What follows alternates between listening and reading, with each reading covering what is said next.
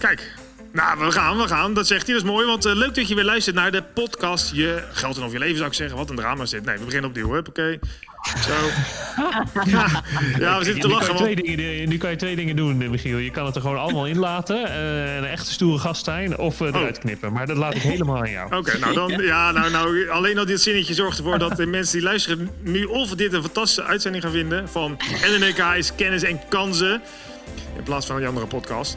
En je hoorde hem al op de achtergrond, onze gast van vandaag. Maar die ga ik zo introduceren, want ik hoor... Ik heb natuurlijk ook uh, Laura.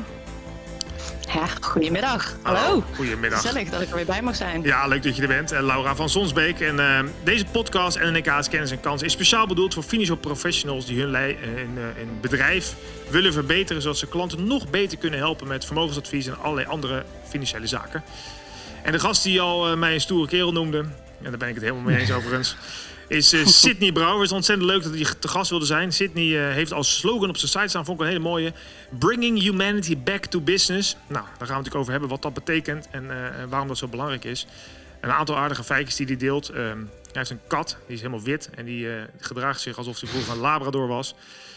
Nou, allemaal mooie feitjes, maar veel belangrijker is dat hij auteur is van twee boeken. klantgericht leiderschap en ook de nieuwste bestseller van hem, de Six Star Service. En dat boek gaat dan over hoe je klanten ombuigt of omzet naar fans voor het leven. Nou, ja. en dan heb je een ontzettend drukke agenda en dan heb je toch nog even tijd voor ons. Dus superleuk dat je er vandaag eh, te gast wilde zijn bij ons. Ja, dankjewel voor de uitnodiging. Ja. Uh, dankjewel voor de uitnodiging. Leuk dat ik hier uh, mag zijn. Ja, we gaan het hebben over uh, althans, dat hebben wij besproken in de, in de voorbespreking. Hoe nou financieel adviseurs fans gaan maken voor het leven. Hè? En onvergetelijke indruk gaan maken. Ja, is dat wel überhaupt haalbaar, denk je? Of zijn er ook bepaalde beroepsgroepen waar het gewoon nooit gaat lukken? Nou, juist de financieel adviseurs zeker haalbaar. Uh, want er zijn weinig mensen die denk ik zo dicht bij hun klant staan. Zeker. En uh, juist daarom is het uh, nodig. Overigens kan ik je ook vertellen dat het ook heel erg goed werkt. Uh, dat het ook heel erg goed niet kan. Want ik ben totaal niet blij met de financieel adviseur die ik had bij mijn hypotheektraject. Maar daar komen we misschien ook nog wel over te spreken. Dus um, juist omdat je zo dicht bij die klant staat, kan het twee kanten op gaan. Ja, ja het is of je maakt een fan of het is echt een, een anti-fan. Ik weet niet hoe dat heet, maar... Nou ja, ja en het is een goede filter wat dat betreft. Misschien voor jou als klant zelf, maar ook voor jou als ondernemer. Ja, ja, nou ja, het, precies. Dus uh, ik vind het een hele mooie doelgroep. En uh, kunnen, we, kunnen we zeker wat praktische tips gaan geven, denk ik zo. Oké, maar misschien even terug bij het begin. Want jij bent inmiddels, we hebben jou live gezien al een aantal jaar geleden. Toen interviewde jij die, ehm, ja, ik weet niet eens hoe die heet, maar die kerel van Disney, zeg maar, die daar de... Nou, Dank ja, ja, dus jij stond daar met, met, voor mij was het toen nog helemaal nieuw, Zoom of zo, weet ik veel, of Skype. Maar dat ja. het allemaal. Maar dan stond jij in die zaal. ver vooruit. Zeker. En uh, dat was hartstikke leuk. En, maar je bent op zich nog een jonge kerel uit 1987 en toch al zo ontzettend uh, veel. Um, weet je veel van klantgericht leiderschap en, uh, en de serviceverlening. Hoe is dat zo ontstaan? nou ja, dat, het, heeft allemaal zijn roots in het, tijdens mijn studententijd. Want toen studeerde ik namelijk rechten. Nou ja, dat heeft dus echt werkelijk helemaal niks met de dienstverlening of klantbeleving te maken. Uh, maar uh, tijdens mijn rechtenstudie deed ik wel, uh, had ik een bijbaantje in de beveiliging. Ehm, want dat is namelijk echt fantastisch als je in lege kantoorgebouwen s'avonds in het weekend lekker kan eh, studeren terwijl je betaald krijgt. Hey, dat dus jij bent ook een stoere jongen, hè? Hey. Ja, maar, ja, maar dit is gewoon een tip voor, de, de, voor die andere podcast, hè, hoe je dat kan doen. Maar goed, ja, andere... um, um, en dat deed ik bij een bedrijf dat zich profileerde met een vijf sterren dienstverlening. Hè. Zij zeggen, joh, wij doen uh, facilitaire dienstverlening, dus catering, receptie, beveiliging, schoonmaak, maar dan op vijf sterren hotelniveau bij kantoorgebouwen. En dat vond ik zelf heel erg leuk. Ik vond het zelf heel erg leuk om die extra stap te zetten. Om op zoek te gaan en kansen te spotten over hey, wat kan ik nou voor deze ene klant extra doen, uh, waardoor hij zijn dag leuker begint of zijn dag leuk eindigt of een, een, herinnering creëert. Een van de dingen die ik altijd leuk vond, was dat ik de buitendeur open hoorde gaan, dat ik alvast naar de lift liep en op het knopje drukte, zodat de liftdeur open ging als diegene er net aankwam lopen. Nou, dat, dat zijn dingen die, ja, die vond ik dan leuk. Ja. Klein geluk. Ja, ja, klein geluk. Eh, voor mij, maar ik denk ook voor, uh, voor de mensen. Want ik kreeg altijd heel veel uh, leuke reacties op. Um, en toen heb ik zitten denken, ja, weet je, dat, de advocatuur en zo, dat gaat hem voor mij niet worden. Dus um, wat wel? En toen ben ik eigenlijk me meer gaan verdiepen in dit vakgebied. En vooral op zoek gegaan naar organisaties die constant enthousiaste klanten, enthousiaste medewerkers maken. Ehm, want ik zag niet voor mezelf een carrière achter die receptie of in de beveiliging, maar wel met dit onderwerp. En toen ben ik uh, um, uh, op zoek gegaan naar die organisaties en toen heb ik de eerste mailtje gestuurd van hey, jullie doen gave dingen met klanten, wil je eens met me praten? En toen kreeg je natuurlijk het antwoord, nee sorry, we hebben druk. Want hm. ja, ik, ik, was, wat is 24 of 25 of zo. En ja, je, je, je, je komt niks brengen. Ja, en toen kwam ik op het idee om een microfoon mee te nemen en een podcast te beginnen. Nou, dat was in de tijd dat nog niemand een podcast had. Dus het was ook voor iedereen nog spannend. Dus ik met twee microfoons en, uh, en een laptopje in, in de rugzak uh, naar die bedrijven toe. En dan geven ze een platform waar ze hun verhaal kunnen delen. En dan toen opeens um, gingen er allemaal deuren open en ging ik allerlei gesprekken uh, voeren met mensen best wel hoog in dit soort organisaties. Nou, en dat heeft eigenlijk de basis gevormd van, um, uh, van wat ik nu doe. Nou, dit is dus uh, zeven, acht jaar geleden of zo. Daarna heb ik nog heel veel extra informatie gaan zoeken. Maar dit fundament, daarop ben ik door gaan bouwen. En um, ja, ik kwam erachter dat ik het op podium, dat mensen dat best leuk vinden. Uh, als ik daar sta, een, een inspiratiesessie geven, een korte krachtige boost van, van energie en inspiratie, zo noem ik dat vaak. Um, en daar heb ik mijn werk van gemaakt. Ik wist ook niet dat dat kon, uh, maar het is gewoon een vak, blijkt. Spreken. En daar komt vaak schrijven bij. Dus spreken en schrijven, dat is waar ik, uh, waar ik mij nu op richt. Ja, en dan richt je dus heel erg op die, uh, nou ja, die, die tegenwoordig van die, die six-star service, die vijf sterren, denk je, ja, dat is mooi, maar er moet eigenlijk een stapje bij. Uh, ja, ja. En, en, en, daar zit natuurlijk een gedachte achter. Precies, vertel eens. Um, wil, wil je daar nu al op ingaan? Nou ja, weet ik niet. Kijk, ik, ik, ik, wat ik zei, dus we hebben jou natuurlijk gezien op het podium. Ja, was inderdaad heel gaaf, inspiratievol, uh, energiek, enthousiast. En dat uh, iedereen die er wegging, dat was naar de, was ja, we waren helemaal op kantoor, we moeten anders doen en we kunnen zoveel mensen helpen en zo, weet je wel. Um, ja. Maar dat was toen nog op basis van jouw klantgericht leiderschapsboek. Dat kregen we toen ook allemaal mee, denk ik. Of moest ik lopen daar, weet ik niet. Ja, klopt. Maar ja, nu zijn we een paar jaar verder en uh, is dat dus toch weer, weer verbeterd. Dus ik denk, we zijn meer benieuwd van welke stappen zie je de laatste jaren dan, of wat, wat gebeurt er de laatste jaren, waardoor jij toch weer zo'n nieuw boek hebt geschreven. Want je had al heel veel inzicht. Nou, het is eigenlijk een andere doelgroep. Hè. Klantgericht leiderschap gaat echt uh, over. Is geschreven voor managers, middelmanagers, teamleiders of andere stafmedewerkers. Over hoe zij de cultuur in een organisatie kunnen vormen. Uh, Six Star Service is eigenlijk veel meer geschreven voor de mensen die heel veel klantcontact hebben. Uh, dus dat zijn de medewerkers aan de telefoon of in de winkel. Dat zijn de account managers. Dat zijn de financieel adviseurs. Die hebben natuurlijk ook ontzettend veel klantcontact. Ja. En de mensen die het, die het dichtst bij de klant staan uh, zij hebben de grootste impact op de klantbeleving. Niet de enige, maar wel de grootste. En uh, daar had ik nog geen boek voor. Dus um, toen, toen, fietste ik um, vorig jaar mei 2019 door de binnenstad van Amsterdam. Was ik een podcast aan het luisteren. En die ging, ging over Airbnb. Dat was de oprichter van Airbnb. En die had het over de filosofie die zij gebruiken bij uh, Airbnb. Want zij zeggen natuurlijk, ja, sterren zijn daar belangrijk. Dus uh, ze zijn gaan filosoferen, oké, hoe ziet een één sterren check-in eruit in je Airbnb, in je appartement? Nou ja, dan wordt er niet open gedaan. Bij een, drie sterren check-in moet je 20 minuten wachten en dan krijg je een snelle rondleiding, maar verder ook niks. En bij vijf sterren, dan word je welkom geheten, persoonlijk, dat soort dingen. Maar toen gingen ze verder, oké, hoe ziet zes sterren en zeven sterren en acht sterren en twaalf sterren, hoe ziet dat er dan uit? Nou, die gedachte-exercitie die was al best wel leuk. Maar hij, hij had het in de podcast over een six-star experience. Dus dacht ik, ja, maar wacht even. Als je six-star service doet, dat, dat bekt echt lekker. Ja, allitereert goed. Ja. alleen er was één probleem, want ik, ik had de titel van mijn nieuwe boek al, alleen ik had nog geen idee waar het over zou moeten gaan. Dus um, ik ben met een titel begonnen en daar heb ik, heb ik vervolgens alles bij gezocht en op basis van de titel een, een, een filosofie gaan ontwikkelen.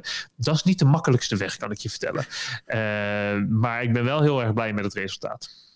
En, dus hey, en, vertel dan eens over in dat licht met Six Star Service. Vertel eens iets over je hypotheekadviseur, want wat voor ervaring was dat dan? Nou ja, kijk, het, um, het was best wel dramatisch. Het was uh, eind vorig jaar. Ehm, en het was ons eerste huis dat, dat we kochten. Dus uh, nou ja, daar komen best wel. Ik ben dan ook nog ondernemer, dus dan komen er natuurlijk wat extra hobbeltjes bij kijken. Wat misschien voor een financieel adviseur geen hobbeltje is. Maar voor mij persoonlijk, die denkt: ja, oké, kan ik nou wel of niet een hypotheek krijgen? Wordt het nou wel, nou, ik kon wel een hypotheek krijgen, maar hoe snel dan? Wat moet ik daar allemaal nog voor aanleveren? Mm. Dat was best wel veel gedoe. En we hadden ook nog een, een, een, een, een deadline. Die was een beetje raar. Dat was namelijk de deadline die verstreek op kerstavond, zeg maar. Dus de, de, het, het hypotheektraject. Um, en eh, we hoorden maar niks en we hoorden maar niks. We hadden alles aangeleverd. En twee weken voor kerst hoorden we niks. Een week voor kerst hoorden we niks. Drie dagen voor kerst hoorden we niks. Terwijl ja, op dat moment moest toch echt wel uh, de hypotheek goedgekeurd worden. Of we moesten verlenging gaan aanvragen. Um, en de dag voor kerst moest ik hem zelf bellen om te vragen: hey, hoe staat het ervoor? En toen bleek dat het nog helemaal niet klaar was. En dat het uh, eigenlijk over het nieuwe jaar heen uh, geteeld moest worden. Ja, en dat is voor mij niet leuk, want dan moet ik weer naar de verkopers toe. De dag voor kerst met de vraag: oh, we gaan het toch niet rondkrijgen. Dat heeft geen goed beeld voor mij. Maakt dat. Um, ja. maar ook ik wil er zelf helemaal niet mee bezig zijn voor kerst. De, eh, de, andere, de verkopers willen daar niet mee bezig zijn. En het feit dat daar ook niet over gecommuniceerd werd, was natuurlijk ook vrij drama. Nou, en dit was slechts één van de vier of vijf dingen die misgingen in het hele eh, proces. Ja. Um, dus nou, je kan je uh, voorstellen dat ik niet meer teruggaan naar deze adviseur. Nou, maar dit is wel een grappig project. Want ik heb een paar jaar geleden een keer ben, op, oh, ben ik op een congres geweest. En uh, daar was een van de professor. En die zei: Als je nou de service wil verbeteren, dan uh, moet je hem eigenlijk andersom redeneren. Dus als je zeg maar normaal gesproken zegt van joh, uh, je moet je dienstverlening verbeteren, wat ga je dan doen? Nou, dan zeg je, nou ja, weet ik veel, we gaan dit een beetje beter doen, een beetje zus doen. En je denkt heel erg vanuit vaste patronen, zoals je dingen al doet. Maar hij zei eigenlijk, joh, je moet het andersom doen. Ga eens beredeneren hoe je je service zo slecht mogelijk kan maken. Je kan, het kan niet slechter. Alles mag. Moord, uh, ontvoering, weet je, eh, maak ze, doe, doe ze gek. Maar als je dat bedacht hebt en je hebt dan echt een hele slechte service, draai die dan 180 graden om. En dan krijg je misschien iets wat wel echt iets nieuws is, wat je nog niet was gewend vanuit je patroondenken. Vond ik een grappig idee. Als je nou zo kijkt naar deze hypotheekadviseur met jouw Six-Star Service boek erbij. Nou ja, je weet niet, er was geen communicatie, uh, dat soort dingen. Hoe kun je, wat leer daar nou uit en hoe kun je dat dan juist andersom doen? Uh, en dus verbeteren? Ja, ja, laten we eerst um, even kijken wat, wat de, de Six-Star Service gedachte dan ook echt is. Um, wat, als je het hoort, de term, waar denk je dan aan, Laura? Um, verwachtingen overtreffen, dat is het. Ja. Voor mij. Ja. ja. En jij, eh, Michiel, waar, waar denk je aan als je Six-Star Service hoort? Ja, dan is het verrassing en uh, uh, under promise over deliver uh, gevoel. Precies. Mm -hmm. Ja, precies. De, de, de, de, de sterren die komen uit de hotelindustrie. Hè? Als je het ergens gaat over sterren met, met, met uh, service, dan, dan komen ze uit de hotellerie. Daar is het allemaal begonnen. En het is wel interessant om te weten hoe, um, hoe eigenlijk hotels sterren toebedeeld krijgen. Dat gebeurt namelijk over de hele wereld op dezelfde manier. Uh, dat gebeurt met een ellenlange checklist. Dus er zijn verschillende instanties die die checklist hebben uh, opgesteld. Daar staan dan 270 criteria op. En die gaan allemaal over dingen die je kan uh, meten, die je kan aanraken of die je kan, die je kan zien, zeg maar. Dus bijvoorbeeld als je drie sterren wil hebben, dan moet elke kamer een föhn hebben. Als je vier of vijf sterren wil hebben, dan moet, elk dan moet je als hotel moet je een lift hebben. Als je meerdere verdiepingen hebt. En wat ik dan interessant vind, is dat goed, je, je, je hebt een lift nodig, uh, blijkbaar. Maar of je ook geholpen wordt als je slecht ter been bent door het personeel daar op een fijne manier, ja. dat telt niet mee. Dus die lift, die kunnen we afvinken, want dat kunnen we uh, aanraken, dat kunnen we, we, meten.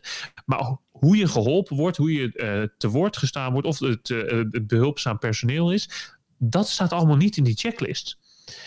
Dus mijn filosofie is dat je alles tot vijf sterren kan je standaardiseren in goede processen, in goede uh, faciliteiten.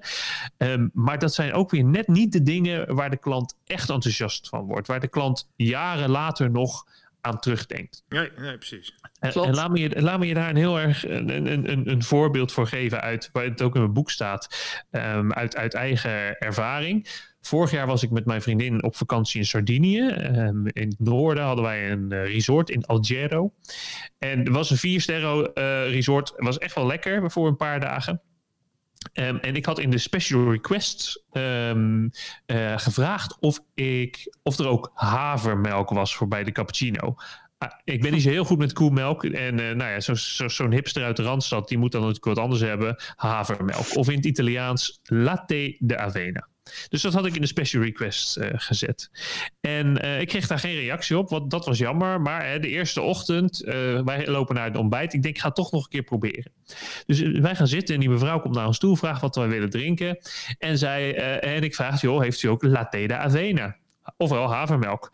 Waarop zij een grote glimlach opzegt en zegt: Ah, you are Mr. Avena. Yes, we have. En ze neemt uh, mijn bestelling op, uh, cappuccino met havermelk en de rooibos thee van mijn vriendin. Die komt die een paar minuten later brengen.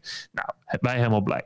De volgende ochtend komen wij weer die ontbijtzaal in. En worden we al met een heel grote glimlach en een heel luid Buongiorno, signore, signore Avena, worden wij onthaald in die ontbijtzaal. En we gaan zitten en nog voordat we iets hebben besteld, komt zij met de rooibos thee van mijn vriendin en mijn cappuccino havermelk, komt ze naar onze tafel toe. Maar ze was nog niet klaar. De laatste dag, laatste ochtend, derde ochtend, komen wij weer die ontbijtzaal binnen en worden we weer onthaald met een Buongiorno, signore, signore Avena. En ze wijst naar het beste tafeltje in de zaal, die ik uitkijk over de tuin. En daar staat al klaar mijn cappuccino havermelk en de rooibos thee van mijn vriendin. Nou, en dan is mijn vraag aan jullie. Als ik terugdenk aan dit hotel, denk je dan dat ik nog weet hoe warm of koud het zwembad was? Hoe hard of zacht de bedden waren? Wat ik heb gegeten in het restaurant? Oftewel, of geen föhn in mijn kamer was? Of denk je dat ik maar aan één ding terugdenk en dat is deze mevrouw? Ja, precies. Zij heeft ervoor, zij heeft voor een herinnering gezorgd. Ja, uh, bij mij. En zij heeft er ook voor gezorgd dat ik dit resort al aan twee of drie andere mensen heb aangeraden. Uh, die ook naar uh, Sardinië gingen. Want zij was die zesde ster in service. En die zesde ster in service is altijd menselijk. Die kan je niet, die kan je niet standaardiseren. Die stem je altijd af op de individuele, unieke situatie van de klant. en als iemand iets weet over de unieke, individuele specifieke persoonlijke situatie van de klant, dan is het een financieel adviseur. Ja, daar heb ik helemaal gelijk in, ja. Ja, ja dat is wel mooi. En, ja.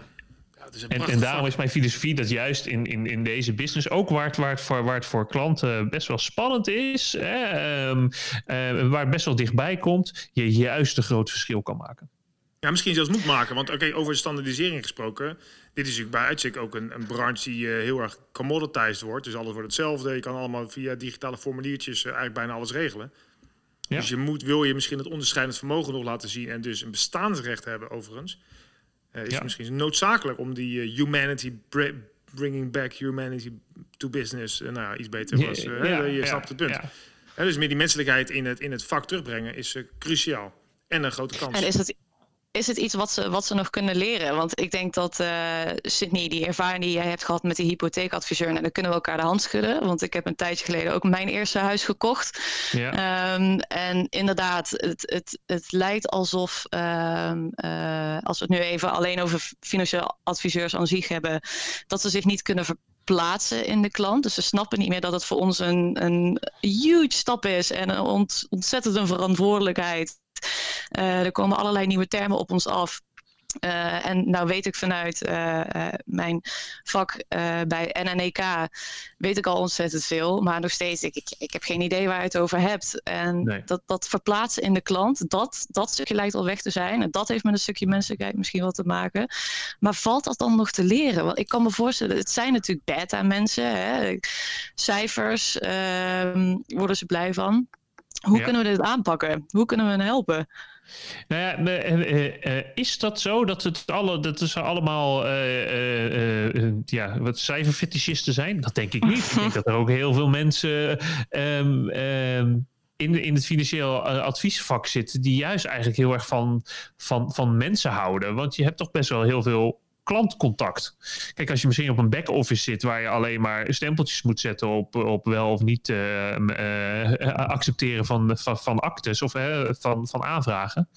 Ja, dat is anders. Maar heel veel adviseurs, ja, die zijn toch echt wel dicht bij die klant. Dus dan moet je ook wel een beetje van mensen houden. Alleen het, het, het, het, het risico is inderdaad dat jij een, een dat je je gaat vergissen dat een hypotheekaanvraag voor jou eentje is waar je er acht van per dag doet.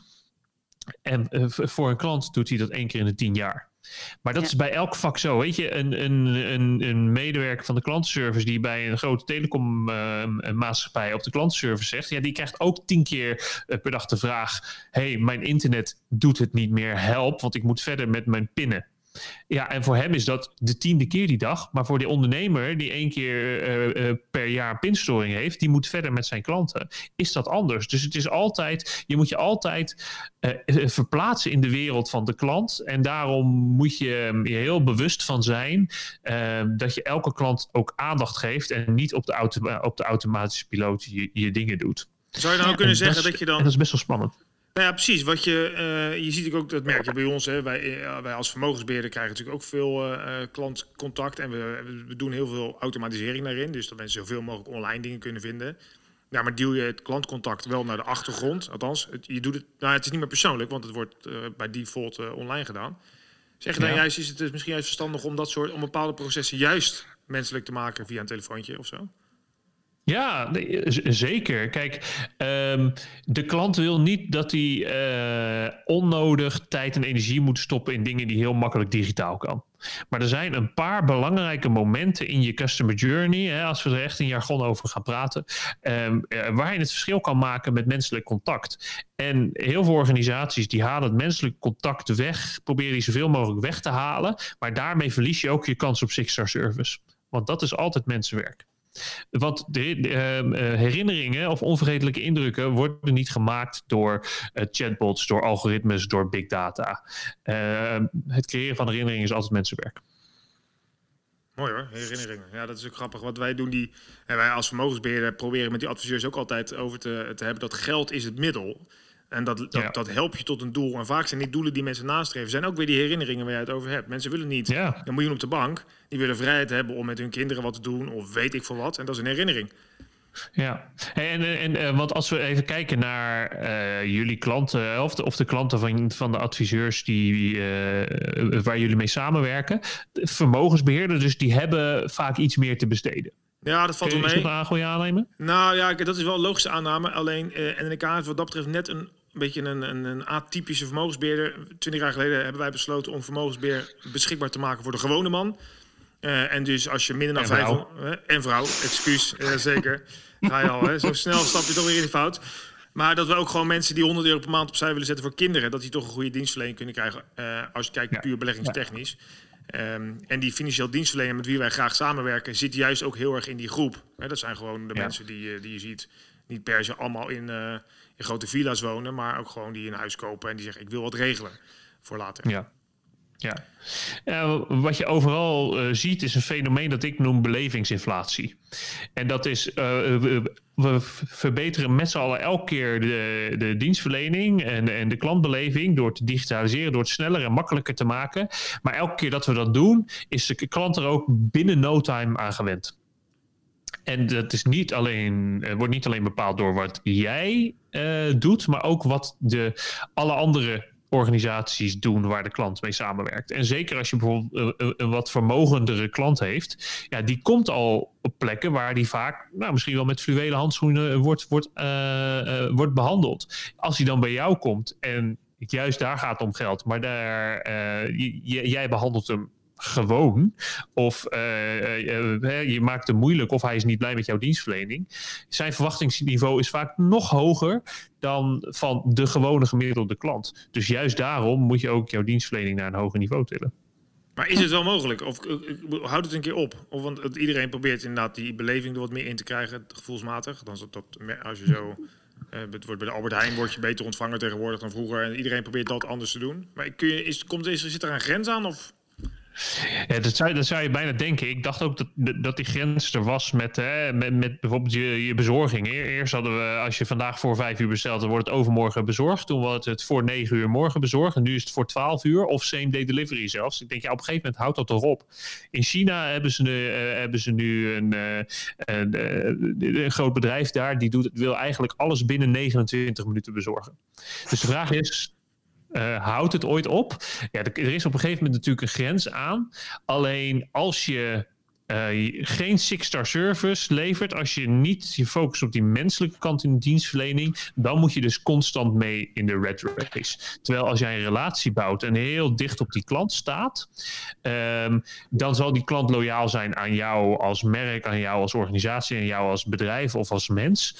Um, en dan komt die ook bij je terug, uh, zelfs als het een keer wat moeilijker is of een keer niet zo soepel gaat. Omdat die loyaal is aan jou en niet aan een proces.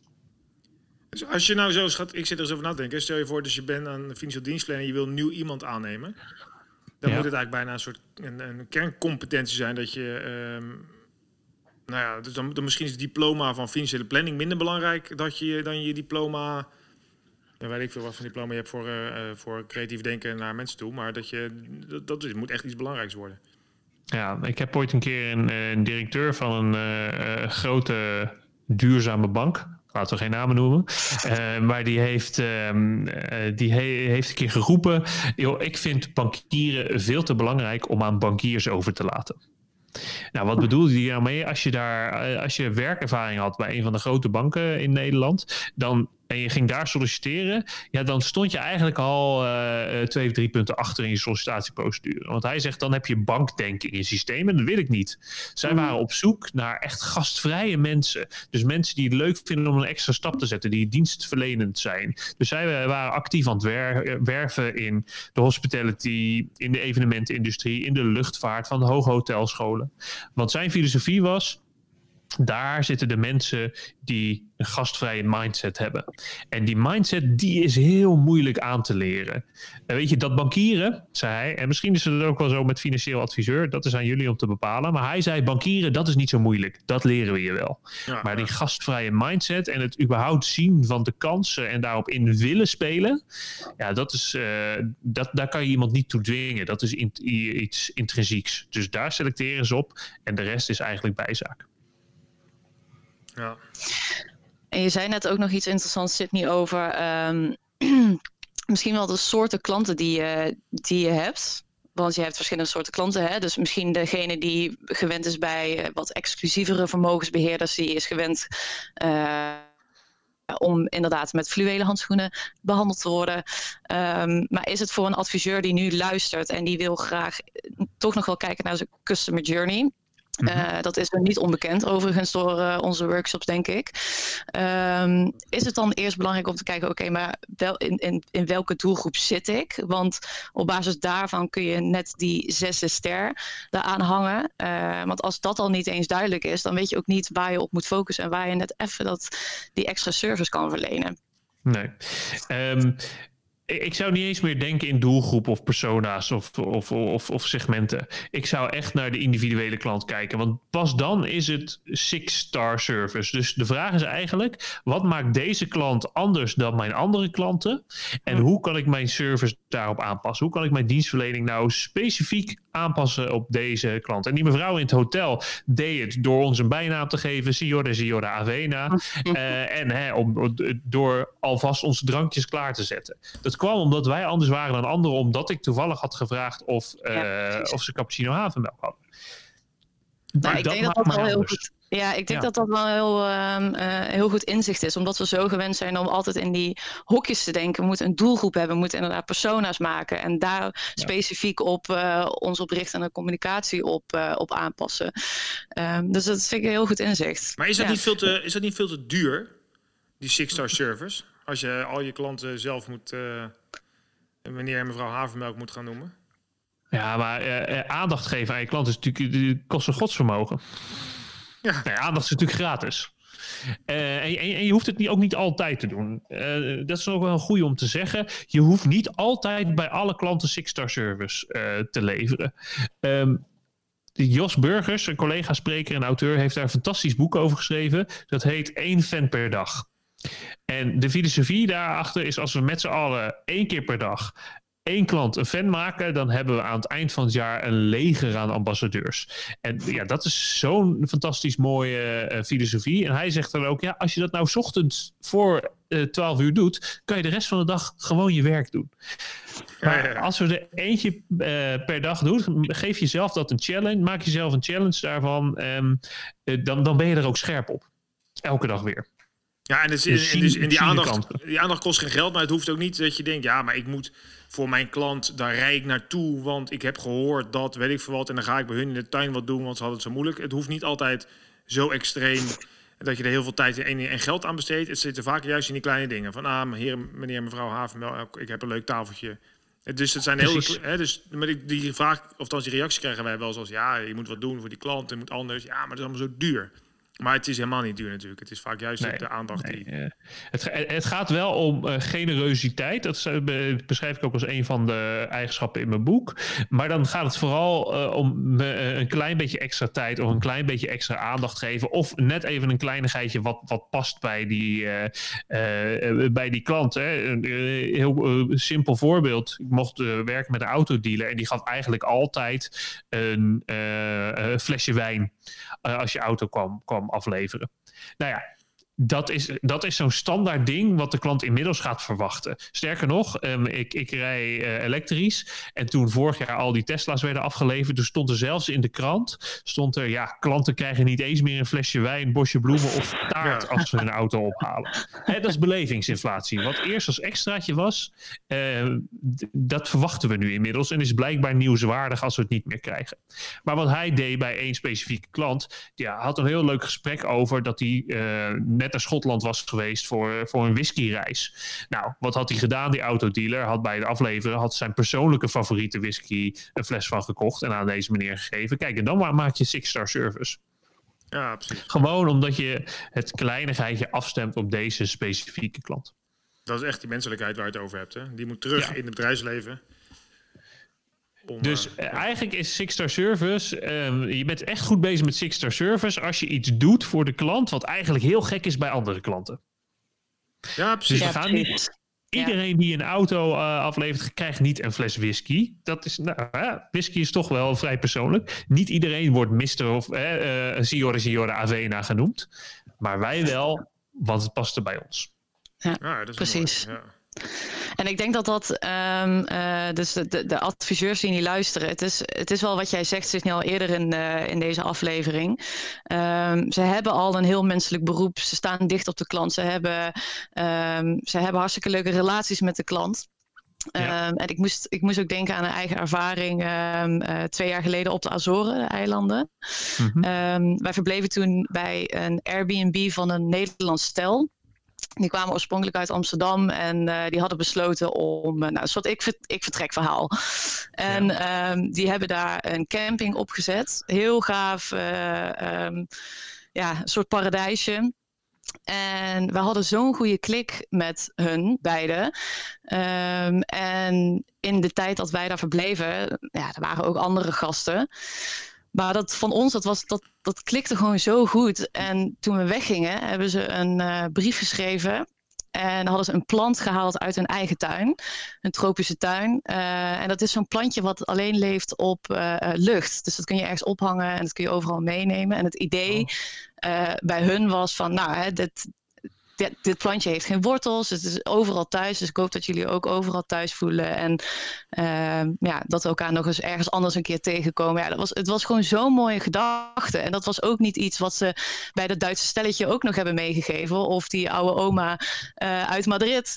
Maar dat hebben ze bij ons gedaan omdat het gewoon zo persoonlijk was. Die klik was er. En dan hoef je daar denk ik ook niet eens over na te denken. Dan komt dat vanzelf al naar boven. En um, je, je voelt dan wel wat, wat klopt bij die klanten, tussen jou en die klant. Nou, het gevolg is dat, ik, dat ik dit verhaal nu denk ik tien keer heb gehoord. Dus dat is ook wel grappig hoe je het zegt. Zonder flauw te doen. Maar je vertelt het gewoon de hele tijd door. Dat verhaal van de havenmerk waarschijnlijk ook. En dat is natuurlijk wat je eigenlijk wil. Dan, dat gaat dus niet eens over... maar, heb jij je reis naar de Azoren al geboekt, Michiel? Nou ja, ik, ik, ik, ik, ben een serieus met mijn... Wij gaan altijd met de kinderen, maar de kinderen lijkt me niet zo leuk voor de Azoren. Maar ik heb met Merel wel gekeken naar de Azoren. Alleen ja, toch ging niks meer door. Dus helaas. Nee, nee, nee, nee precies. Ja. Uh, nee, maar het heeft wel oprecht doen. Uh, ja, het is wel grappig goed werk. Net zoals Sardinië staat ook nog op mijn lijstje. Ja, ik ga je zeker een appje sturen van joh, als we een keer gaan. waar was dat ook alweer? En zo, dat zijn natuurlijk die dingen die we allemaal wel herkennen. En je ziet het vaak heel goed terug in de, inderdaad in de, in de leisure en in de ja, zeg maar, verblijf. Daar word je natuurlijk verrast en dan, dan ga je dat doorvertellen. Maar dat, zou, dat kan je in elke dienstverlening doen. Zeker. En het gebeurt niet heel veel in de financiële dienstverlening. En daarom, kan je zo, uh, kan je, daarom is het al heel makkelijk om er onderscheidend mee te zijn. Ja, precies. En hoe had nou die hypotheekadviseur? Want we zijn op 35 minuutjes, dus we moeten hem wel een beetje gaan afronden. Vind ik. Uh, maar hoe had die hypotheekadviseur wat jou betreft nou die Six Star Service wel kunnen le leveren? Dus nou ja, kijk, wat is, eh, eh, er ging, eh, er ging iets fout. Hè? Ehm, en als er iets fout gaat, is het eigenlijk ook altijd gelijk een kans om Six Star Service te leveren. En dat, dat, is wel, dat is wel mooi. Dus als die daar bijvoorbeeld had gezegd van joh, ehm, het spijt me dat, dat we het nu over het nieuwe jaar heen moeten tillen. Maar dat hij daar een nieuw jaar op terug was gekomen en een, een extra stap had gezet door bijvoorbeeld. Ehm, door niet te wachten tot 7 januari. Dus uiteindelijk was het op de dag van de deadline. Uh, uh, was het pas echt geregeld. Dus kan het bijna weer moeten uitstellen. Maar dat hij al op 1 januari gewoon even, op, ondanks dat de feestdag was, een klein mailtje had gestuurd van: hey, ik ga er morgen gelijk mee aan de gang en we zorgen dat het, uh, dat het snel voor je geregeld was. Maar nee, ik moest nog een keer wachten. Gewoon um, laten weten dat hij het ook belangrijk vond dat wij het op tijd geregeld hadden. En dat het goed ging. Dat was al genoeg geweest. Nou ja, dat, dat, had, dat, had, dat, had mij, um, dat had mij in elk geval een, een, fijner gevoel gegeven dan dat ik eigenlijk nog twee weken in de stress had gezeten. Ja, en als, het dit nou, eh, als je dan op terugkijkt wat hij. Zoals hij nou jou gebeld had drie weken van tevoren voor de kerst, dus rond Sinterklaas. Zeg je, joh, Sydney, uh, slecht nieuws. Dat was natuurlijk helemaal top geweest. Maar ja, dat heeft hij dus niet gedaan. Maar... Nou ja, uh, slecht nieuws natuurlijk nooit top. Nee. Uh, maar uh, dan was ik in elk geval in de, in de loop gehouden. En dan was ik in elk geval, dan, dan hadden we nog tijd gehad om er, om er iets mee, mee te doen. En uiteindelijk was het probleem ook helemaal, lag ook helemaal niet bij ons. Maar het lag ergens in het proces tussen de hypotheekverstrekker en ja. adviseur. Ja, en dus juist daar kan je dan het verschil maken natuurlijk als, als financieel adviseur. Want die staat tussen jou en die bank, of wat voor partij dan ook. En daar moet je juist dan uh, die menselijkheid brengen. Ja, zeker. En, en weet je, eh, ondanks dat het mis was gegaan, had ik niet van hem verwacht dat hij ook nog op nieuwjaarsdag er iets mee zou doen. Maar al had hij alleen maar even een mailtje gestuurd van, hey, uh, um, gelukkig nieuwjaar. En we gaan echt zorgen dat hij op tijd klaar is dit keer. Ja, dat had mij al een heel prettig gevoel gegeven. Dat had al gevoeld als echt wel een stapje extra. Ja, super. Ja, hij denkt aan je, hij denkt met je mee. Ja. Ja. Humanity zou ik het willen noemen. Hè? Nou, precies. En zo, en zo zijn we weer rond. Ja, zo is het cirkeltje rond. hey, we gaan sowieso een prijsvraag doen, uh, want ik heb uh, een, uh, je boek besteld en dan gaan we er een paar van weggeven. Um, kijk, de mensen moeten dus de podcast gaan luisteren en die zijn heus niet zo slim om gelijk naar het einde te gaan. maar ik zou denken, kunnen, we kunnen natuurlijk doen, waar ligt dat resort? Dat kunnen we sowieso doen. Moeten mensen alsnog luisteren, al gaan ze wel naar het einde. Zullen we die doen? Ja. Of... Nou, eh, misschien moeten we een, een, een, suggestie. Hè? Ik wil je nergens toe dwingen. Nee, maar ik vind het altijd leuk om de Six Star Service stories, zo noem ik ze dan, um, om die te horen. Dus als iemand nou een keer geweldige service heeft gekregen of geleverd, stuur dat verhaal even naar jouw e-mailadres, Michiel. Ja, Mag en, dat? ja, natuurlijk. Joh. Die kennen ze wel. Maar die zet ik even in de show notes hieronder. Nou ja, hieronder. Ja. Beneden. Ja. En stuur die naar uh, Michiel. En dan eh, kiezen wij, ik weet niet hoeveel boeken je hebt besteld, maar de twee of drie leukste uit. En die krijgen. Uh, die, die, krijgen een boek opgestuurd. Want dan kunnen wij die verhalen ook weer gebruiken om andere mensen te inspireren om een extra stap te zetten. Gaan we dat zeker doen. Vind ik een superleuk idee. We gaan de verzam uh, verhalen verzamelen. Mensen die meer willen weten over jou, ehm, en die, waar moeten ze terecht?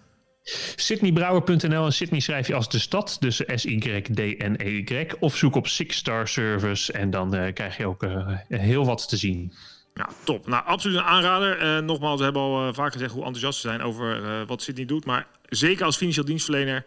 een boek is een, een, workshop, een webinar. Lees ze boeken, want het helpt je echt in deze tijd van digitalisering... om toch dichter bij je klant te blijven... en meer die menselijkheid terug te brengen in het mooie vak wat het is. Laura, heb jij nog iets? Nee hoor, ik vond het uh, echt een top uitzending. Echt uh, heel veel geleerd, zeg niet thanks. Ja, leuk. Dankjewel. Sydney, Dank heb voor de uitnodiging. Ja, had je nog iets of zeg je, joh, mooi geweest. Zet er een punt achter Ik, deze... eh, eh, ik, ik ben woest enthousiast ook over deze aflevering. Dank jullie wel. Nou, super. Nou, top dat je, dat je er was. En ehm, wil je nou meer informatie, eh, stuur mij een mailtje op, eh, dat weet je wel. En anders kun je op nnek-kennis.nl als financieel dienstverlener alle informatie vinden en ook onze contactgegevens. En we brengen je graag in contact met Sydney, mocht je hem niet kunnen vinden. Maar gaat vast goed. Hey, bedankt Yes. eh, Hoi. allemaal. Tot snel. Hoi hoi.